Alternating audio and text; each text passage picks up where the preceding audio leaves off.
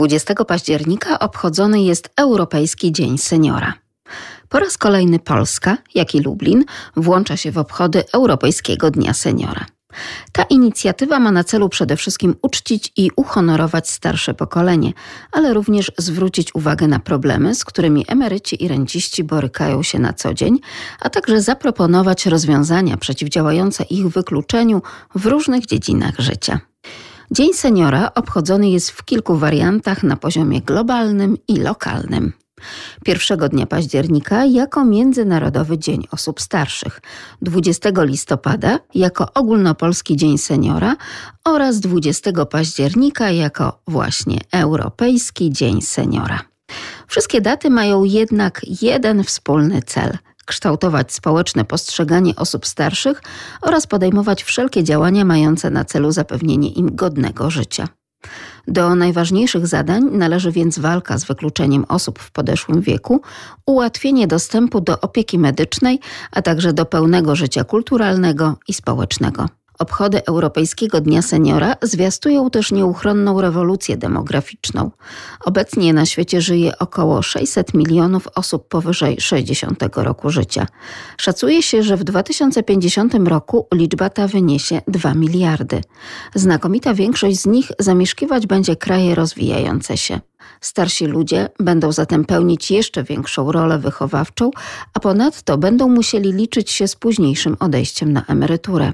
Dlatego coraz częściej organizowane są rozmaite formy aktywizacji osób w podeszłym wieku warsztaty, szkolenia, kursy czy koła zainteresowań. Takie inicjatywy na poziomie lokalnym pomagają seniorom nie tylko rozwijać się, ale również przeżywać drugą młodość. Tak jak ma to miejsce w naszej audycji w cyklu Piękne Życie. Magdalena Lipiec-Jaremek, mówię Państwu dzień dobry. A w naszym programie spotykamy się jak zawsze w każdy czwartek od 18 do 19. I właśnie między innymi z okazji Europejskiego Dnia Seniora seniorzy mogli spotkać się na forum seniora. Nie liczy się wiek, a mentalność. Widzimy to od pewnego czasu, że nasi seniorzy chcą wychodzić i spotykać się z innymi. Gdy osiąga się pewien wiek, to człowiek zaczyna się zastanawiać nad tym, kiedy minął czas, w którym byliśmy młodzi. Ten czas rzeczywiście mija bardzo szybko. Przychodzi taki wiek, w którym możemy oddać się pasjom, o których musieliśmy zapomnieć ze względu na karierę zawodową czy obowiązki rodzinne. I tak oto podczas forum seniora w programie przedstawiono trzy główne bloki tematyczne: bezpieczeństwo i finanse, zdrowie, aktywność i samorozwój. Grono najlepszych ekspertów mówiło o zdrowiu, aktywności, a także sposobach na szczęśliwą jesień życia. Kinga Łabuda, magister pielęgniarstwa, w trakcie specjalizacji z pielęgniarstwa internistycznego oraz kierownik ośrodka medycznego Centrum Rehabilitacji i Opieki Medycznej, w swojej prelekcji poruszyła temat interdyscyplinarnego aspektu sprawności wśród seniorów. Będę mogła przybliżyć nieco interdyscyplinarny aspekt sprawności wśród seniorów. Mianowicie tematem przewodnim jest to, aby ukazać całość grupy społecznej, czy to osoba samodzielna, czy też niesamodzielna, żeby podjąć taki temat i przybliżyć go Państwu, przybliżając pierwszy temat seniora, czyli osoby w wieku powyżej 60 roku życia, 65 roku życia, mamy na uwadze to, jak właśnie wydłuża się wiek takiej grupy społecznej. Uważam, że ten okres, czyli ta późna dorosłość, to nie tylko aktywność fizyczna u samodzielnych osób, ale również u takich, którzy potrzebują również opieki osób trzecich. Wielochorobowość i utrzymanie sprawności wśród seniorów mamy na uwadze w naszym ośrodku. Biorąc pod uwagę aktywny proces starzenia, bierzemy pod uwagę grupę społeczną seniorów, mianowicie rozwojowi promocji zdrowia wśród tego typu osób w naszym kraju pomagają istotne reformy, działania i projekty, czyli wszelkie instytucje mające na celu zaktywizować seniora samodzielnego, czyli Uniwersytet Trzeciego Wieku bądź inne tego typu aspekty, mamy na uwadze działania na rzecz zdrowia osób starszych. One powinny być zindywidualizowane i dostosowane do potrzeb, tak aby móc przekazać najwięcej możliwości. Dodatkowo Podtrzymując sprawność funkcjonalną na co dzień, staramy się, aby ten senior, który czasami ma już trudności wieku podeszłego, miał też zachowaną funkcjonalność na najwyższym poziomie. Czyli tak jakby bierzemy pod uwagę całość aktywności fizycznej. Wsparcie takich osób mamy na uwadze również w ośrodku, ponieważ ośrodek pełni całodobową opiekę medyczną dla seniorów, ale również zakres działalności naszego ośrodka jest dość szeroki, bo w tym momencie jesteśmy też otworzeni jesteśmy również na tą młodszą grupę osób, to seniorzy również znajdują u nas pobyty stacjonarne, całodobowe. W zależności od samodzielności takich osób kierujemy się na to, aby zastosować najlepszą opiekę dla takiej osoby, czyli bierzemy pod uwagę opiekę medyczną dla osób niesamodzielnych, ale bierzemy również pod uwagę seniora, który jest samodzielny i potrzebuje po prostu rehabilitacji, czyli takiej rekonwalescencji, na przykład po zabiegach ortopedycznych bądź chirurgicznych, którzy przychodzą do nas po to, aby otrzymać odpowiednią opiekę, ale również rekonwalescencję, czyli powrót do sprawności. Realizujemy różne turnusy rehabilitacyjne dla grupy seniorów. Czasami są to finansowane turnusy rehabilitacyjne związane z instytucjami, choćby nawet podejmujemy współpracę z Regionalnym Ośrodkiem Polityki Społecznej bądź z Miejskim Ośrodkiem Pomocy Społecznej.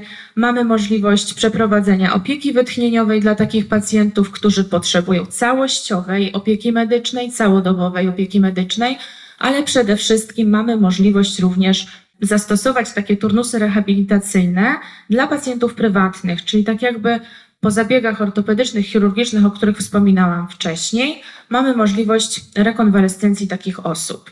Przede wszystkim w naszym ośrodku skupiamy się na tym, aby taki aspekt interdyscyplinarny był zachowywany również właśnie wśród personelu medycznego, czyli podejście do pacjenta musi być indywidualne i dostosowane do jego potrzeb, o czym mówiłam na samym początku, tak aby móc zastosować tego typu opiekę Potrzebni są ratownicy medyczni, pielęgniarki, opiekunowie medyczni, ale przede wszystkim specjaliści, lekarze specjaliści, którzy mogą skonsultować pacjenta, aby poszerzyć diagnostykę, na przykład właśnie po pacjent, jeśli trafia do nas po zabiegach, warto właśnie skonsultować takiego pacjenta raz jeszcze, aby móc pomóc mu jeszcze bardziej, aby proces powrotu do zdrowia, proces powrotu do sprawności przebiegał efektywnie. Zawsze dołączony jest fizjoterapeuta prowadzący, który po prostu dostosowuje program rehabilitacji. I jeśli chodzi o możliwości aktywności wśród seniorów na takim turnusie rehabilitacyjnym, na pewno indywidualna terapia z fizjoterapeutą jest powszechnie uznawana za najlepsze dobro, czyli tak jakby podejście indywidualne do pacjenta. Opieka plus rehabilitacja jest to najważniejszą formą. Skorzystanie z takiej formy rehabilitacji w formie turnusów rehabilitacyjnych jest możliwe jak najbardziej, natomiast też przyjmujemy pacjentów ambulatoryjnie, czyli z dojazdem do nas. Na pewno tutaj jest bardzo ważne w grupie społecznej seniorów wsparcie psychologiczne.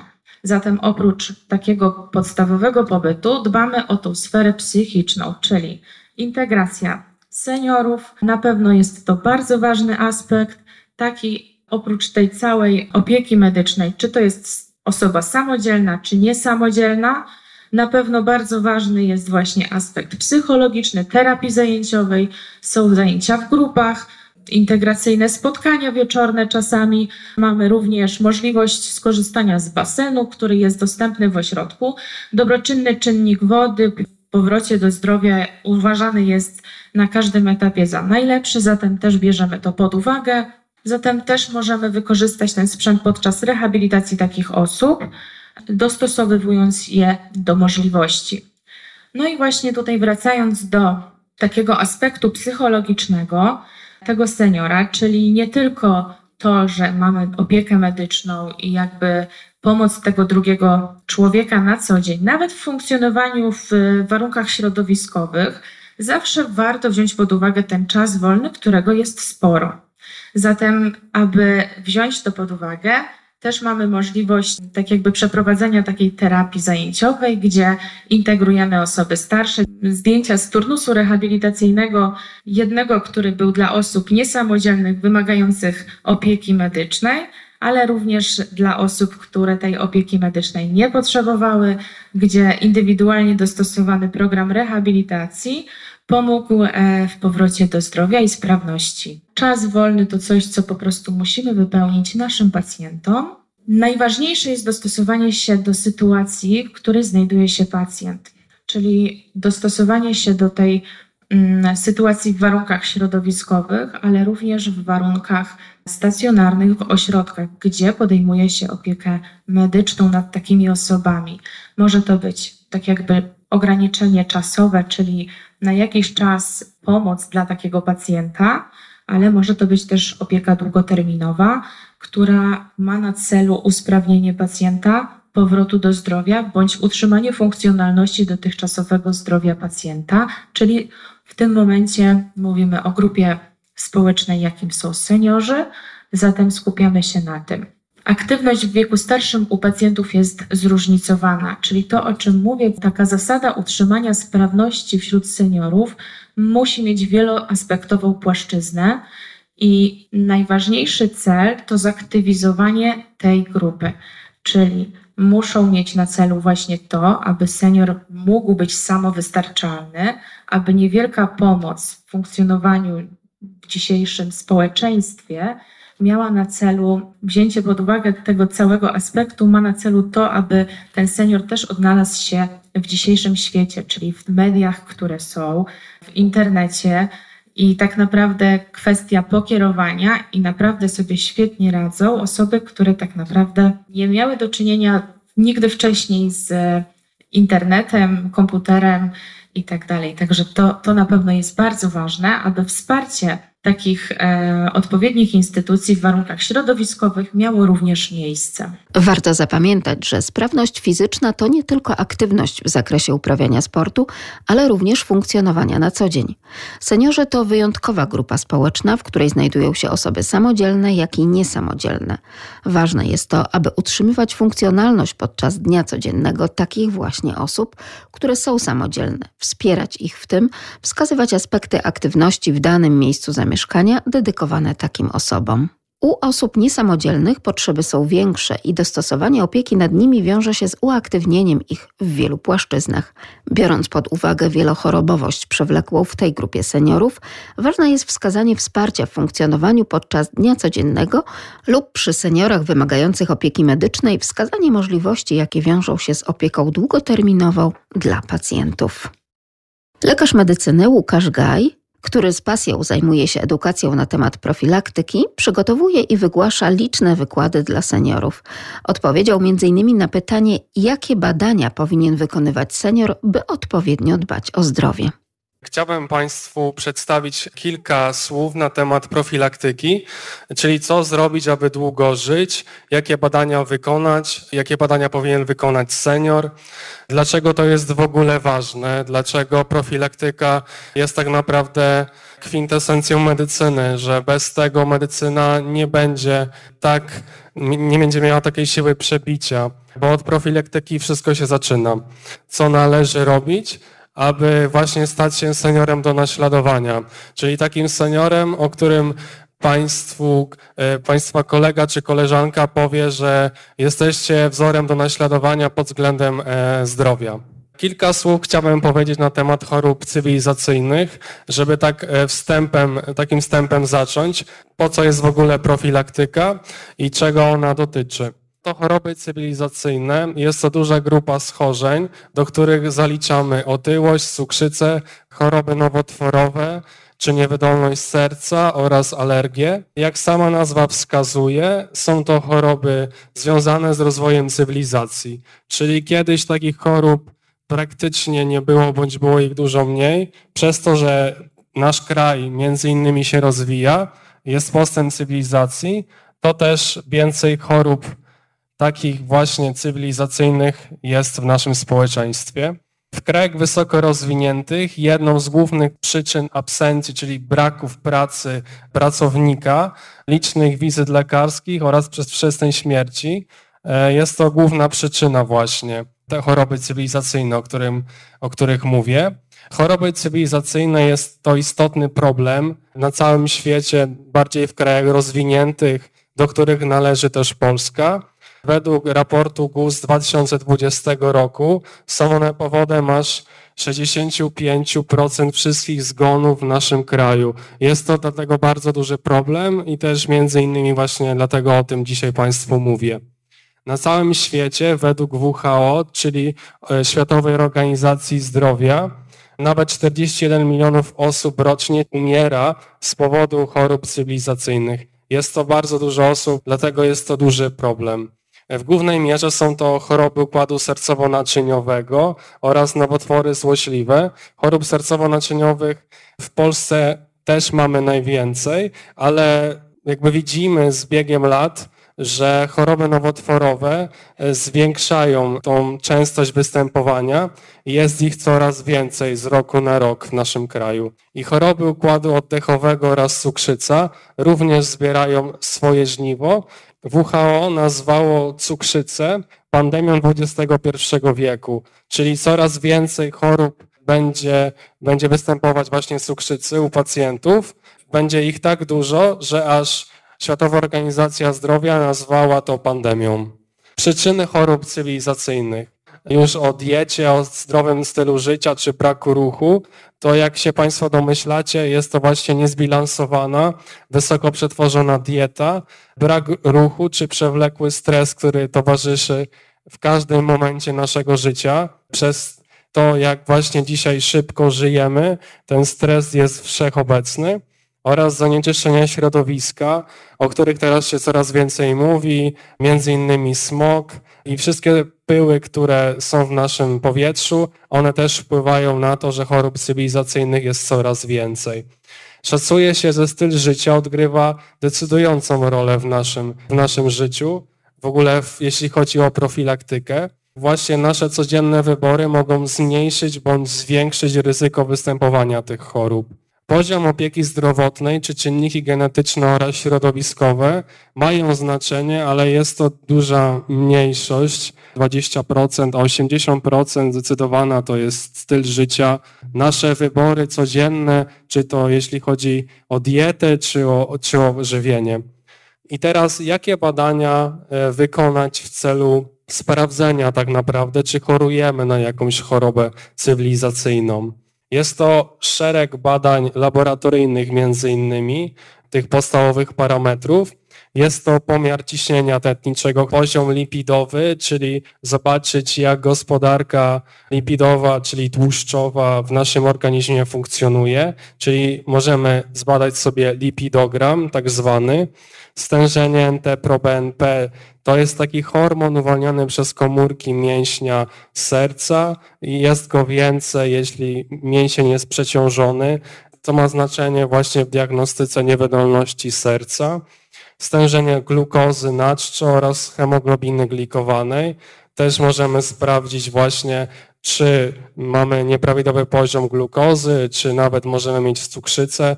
Też tym badaniem możemy to sprawdzić, a hemoglobina glikowana służy jako monitorowanie cukrzycy w naszym organizmie.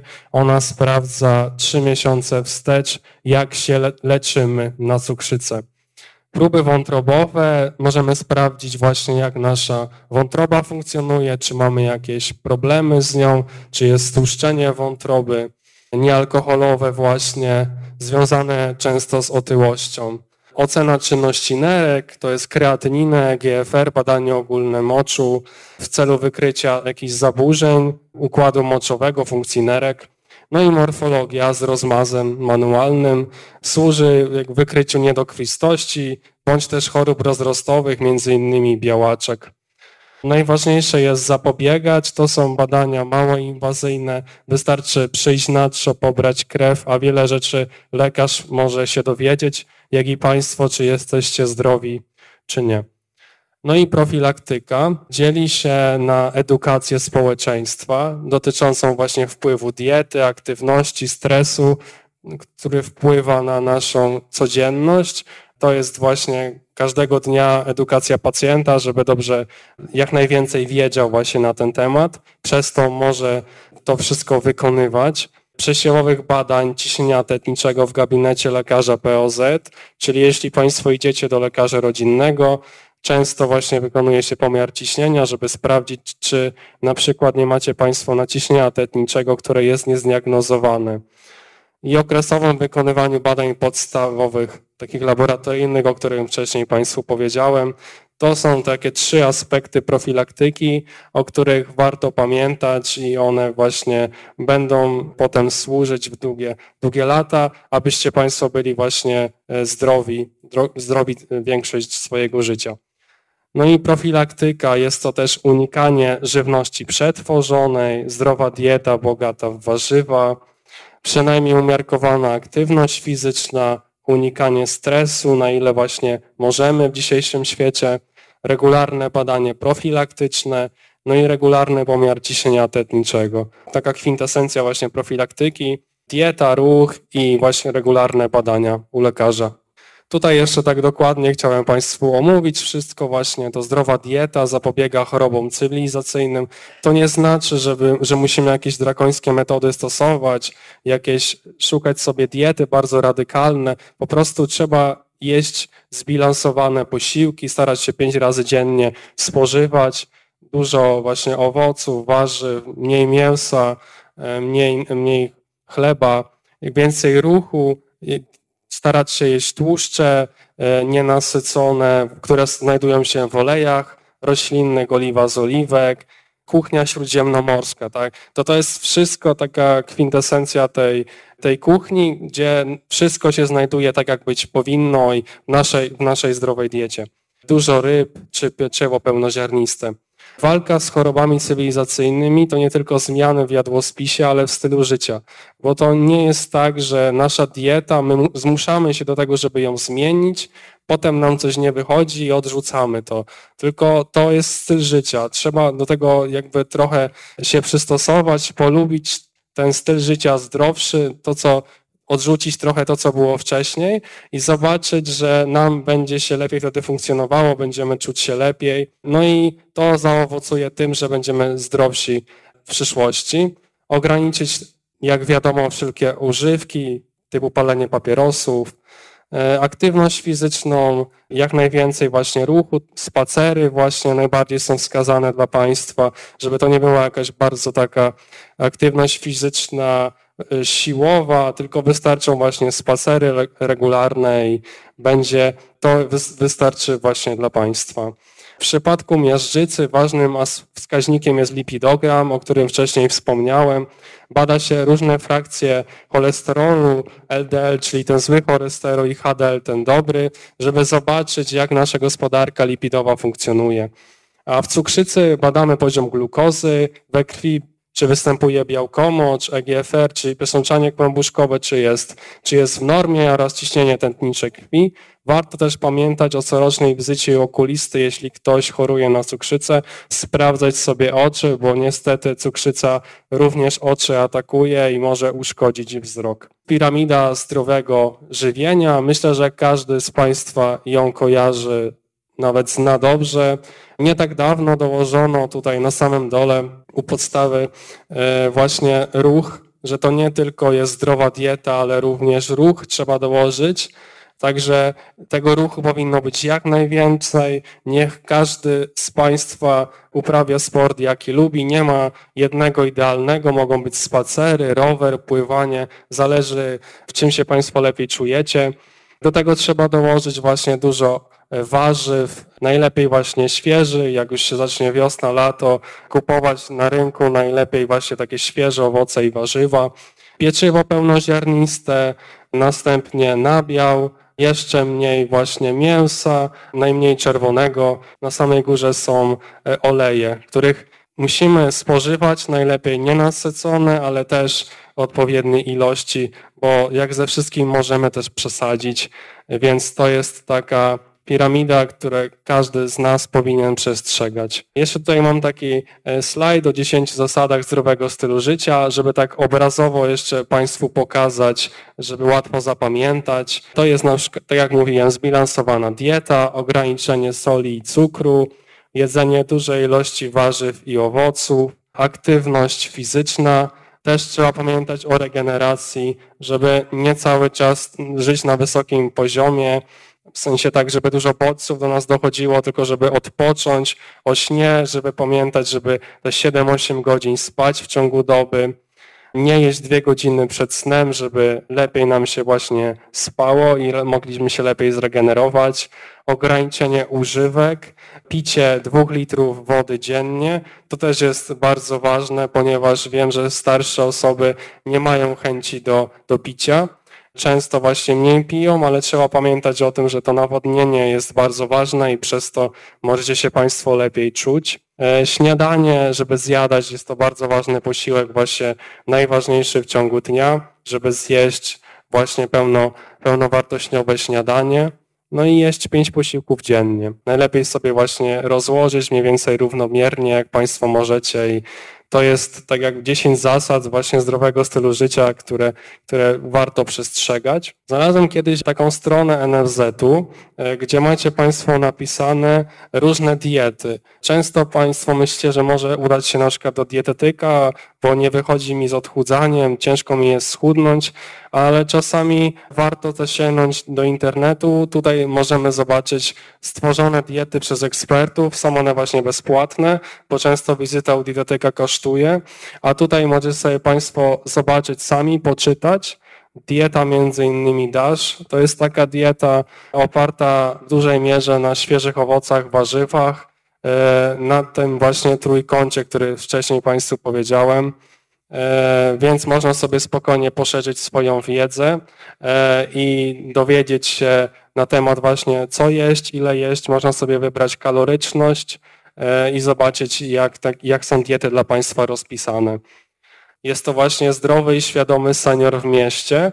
Tutaj skupialiśmy się na informatyzacji medycznej seniorów, czyli tworzeniu między innymi internetowego konta pacjenta, czyli IKP, żebyście Państwo mieli dostępność do tego konta i, i przekonać, że jest to bardzo, bardzo potrzebne e, w Państwa wieku, że nie wszystko trzeba robić papierowo i jak było wcześniej, tylko można zobaczyć, że to, co teraz też następuje, może Państwu pomóc w życiu. Że to nie tylko chodzi o młodsze osoby, ale też o Państwa i też zobaczyć, jak sobie Państwo radzicie z telefonem komórkowym, żeby wszystko pomóc założyć właśnie to konto i zobaczyć, e, co możemy w tym koncie zrobić. Także przeszkoliliśmy 4,5 tysiąca osób w wieku powyżej 50, 55 roku. Seniorzy sobie bardzo chwalili i dużo osób zobaczyło, że wcale to nie jest aż tak trudne. Także jeśli Państwo nie macie jeszcze IKP, to serdecznie zapraszam do założenia. Mówił lekarz medycyny Łukasz Gaj. Do prelekcji zaprezentowanych na forum seniora będziemy jeszcze powracać w naszej audycji Piękne Życie. Jak zawsze w każdy czwartek od 18 do 19. A za dziś dziękuję Państwu bardzo. Magdalena Lipiec-Jaremek, kłaniam się. A kontakt z naszą redakcją seniorzy radiolublin.pl